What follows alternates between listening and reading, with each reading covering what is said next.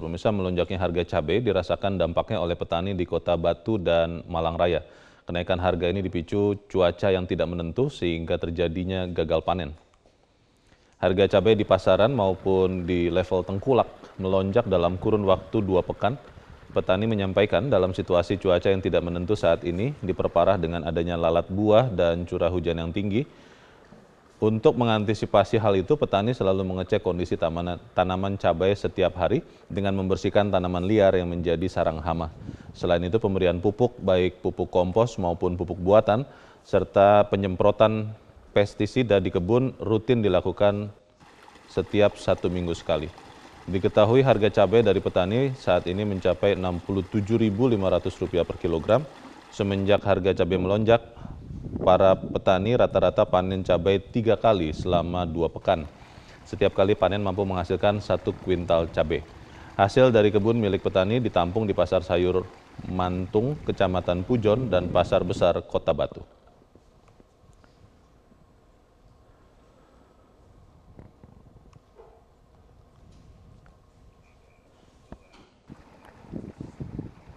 Sementara itu pemirsa harga komoditas cabai di Kabupaten Berau, Kalimantan Timur mencapai Rp150.000 per kilogram. Warga mengurangi konsumsi cabai. Harga eceran cabai di pasar tradisional Sanggam Aji Dilayas terpantau di kisaran Rp120.000 hingga Rp150.000 per kilogram. Harga ini naik drastis dari harga normal, yaitu di kisaran Rp70.000 per kilogram. Salah seorang pedagang mengatakan kenaikan harga ini sudah terjadi sejak dua pekan lalu yang disebabkan petani gagal panen dan berpengaruh pada pasokan cabai di pasaran yang berkurang. Untuk memenuhi kebutuhan cabai, pedagang memperoleh cabai dari Samarinda untuk kemudian dijual. Menghadapi tingginya harga cabai ini, para pembeli terpaksa mengurangi konsumsi cabai yang biasanya membeli satu kilogram, kini hanya membeli satu ons saja. Selain cabai, sejumlah komoditas lain juga mengalami kenaikan harga drastis seperti tomat dan sayur kol masing-masing naik di kisaran Rp25.000 dan Rp20.000 per kilogram. Ya, kita ikutin aja arusnya Pak. Naik ya ikutin naik ya, turun ikutin turunnya. Tadi beli berapa banyak lomboknya? Ya 10.000, tomatnya juga 10.000, semampu lah. biasanya satu kilo, lomboknya juga setengah, biasanya sebelum naik itu. Jadi karena mahal belinya sedikit aja, Bu. Iya. Setelah hampir dua pekan hilang, polisi maritim Bern, Swiss berhasil menemukan jenazah putra Gubernur Jawa Barat Ridwan Kamil Emeril Khan Mumtaz atau Eril di bendungan Engehalde. Iya pemirsa, Eril ditemukan dalam kondisi tidak bernyawa sekitar pukul 6.50 pagi waktu setempat di bendungan Engelhalde, Bern. Kepas, kepastian jenazah ditemukan dari Eril diketahui setelah polisi Bern Swiss melakukan tes DNA. Selanjutnya polisi setempat akan menyerahkan jenazah Eril kepada pihak keluarga. Diperkirakan jenazah Eril akan tiba di tanah air pada hari Sabtu ataupun hari Minggu mendatang.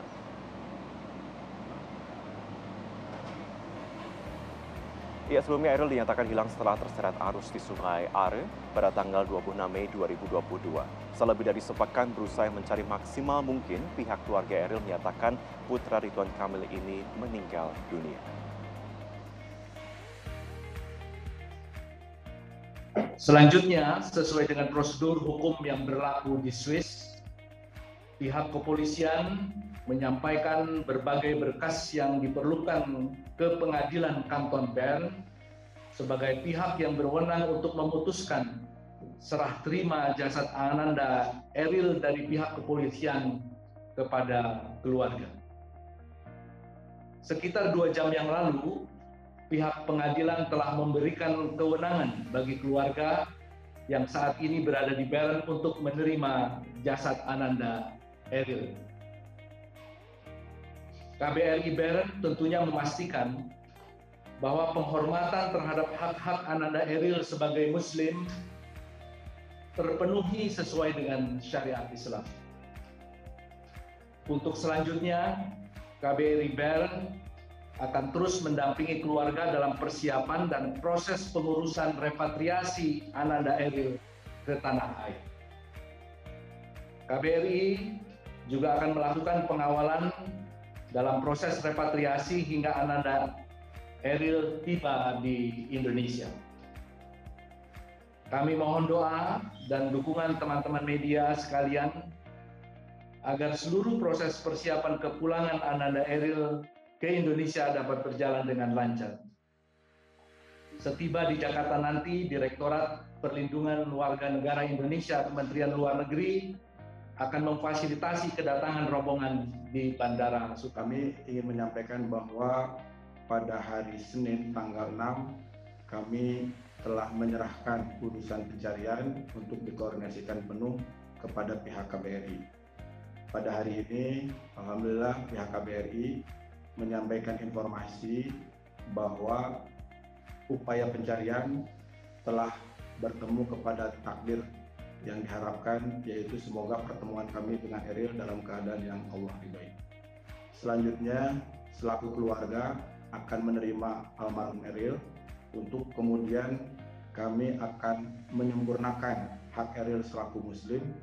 Hakul muslimi alal muslimi situn di antaranya faida mata fatbahu. Apabila dia wafat maka hendaklah dia diantarkan disucikan, dikafani, disolatkan, dan diantarkan untuk dimakamkan sesuai syariat Islam sejauh yang memungkinkan dengan tetap menjaga kehormatan kondisinya. Untuk waktu, kami belum bisa memastikan pasti kapan akan tiba di Indonesia, tapi pada dasarnya kami akan lakukan secepat-cepatnya sejauh yang memungkinkan tergantung kondisi situasi sumber daya yang mendukung. Harapan kami bisa tiba di Indonesia setidak-tidaknya Sabtu atau hari. Ya, pasca dinyatakan ditemukan jasad dari Emrel Khan Mumtaz pada Rabu lalu oleh petugas kepolisian Swiss hingga Kamis malam, rumah dinas gubernur terus dikunjungi tamu untuk bertakziah. Iya, hingga Kamis malam pemirsa sejumlah tokoh terus berdatangan ke rumah dinas Gubernur Jawa Barat di kawasan Jalan Cicendo, Kota Bandung.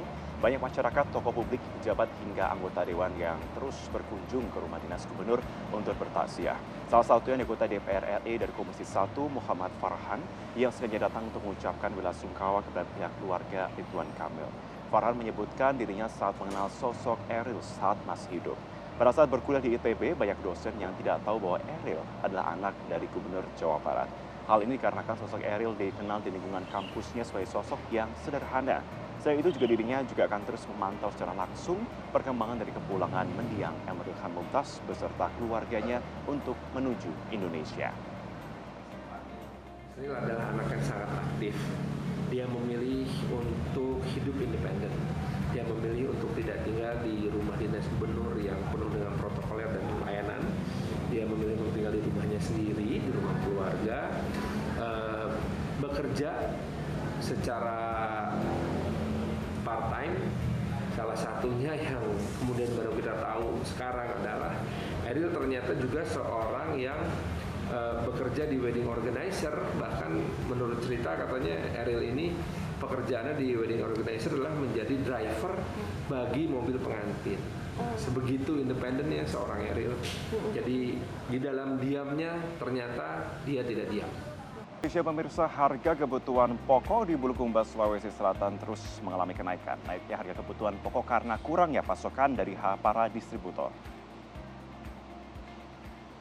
Seperti yang nampak di Pasar Sentral Bulukumba, Sulawesi Selatan, di mana harga cabai rawit naik dari sebelumnya Rp20.000 per kilogram, kini melambung hingga Rp45.000 per kilogramnya. Begitupun harga daging ayam yang dijual Rp45.000 per ekor, kini dijual seharga Rp65.000 per ekornya untuk ukuran sedang.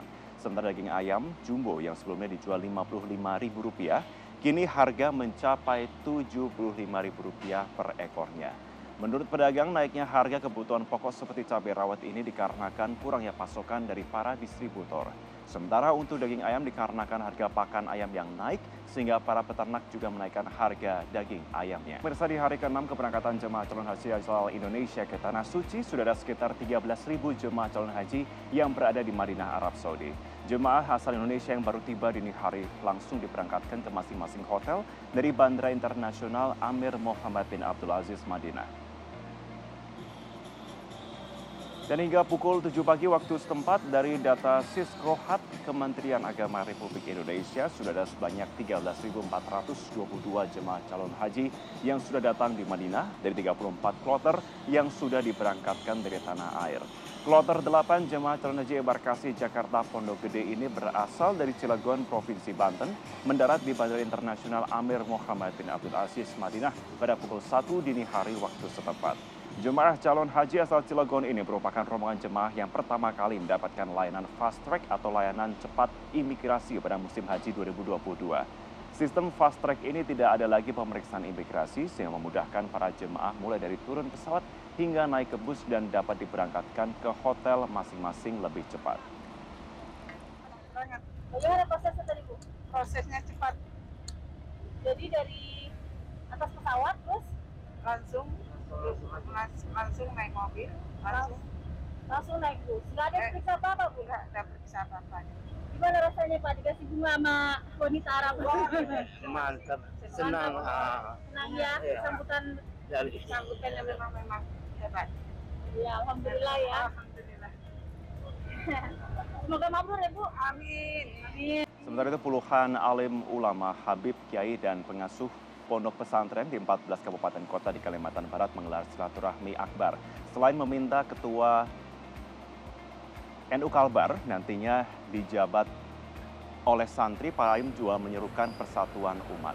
Selain alim ulama, alumni Pondok Pesantren Tebu Ireng, sejumlah lulusan pesantren di Jawa dan Habib ulama lulusan Timur Tengah berairan Aswaja turut hadir dalam acara yang dilaksanakan di Pondok Pesantren Tahfidzul Quran Baitul Quran, Jalan Sepakat 7, Kecamatan Pontianak Kota.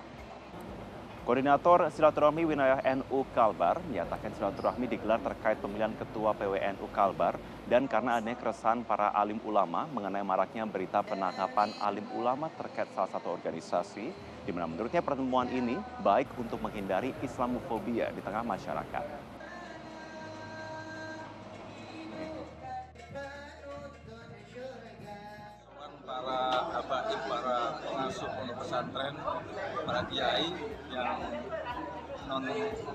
Struktural itu merasa bisa. Uh, jamaah dan jamaah itu sudah sangat uh, ada batas, sangat rendah. Sehingga mereka berkumpul untuk memberikan sebuah statement, membuat sebuah rekomendasi supaya jamiah dan jamaah itu bisa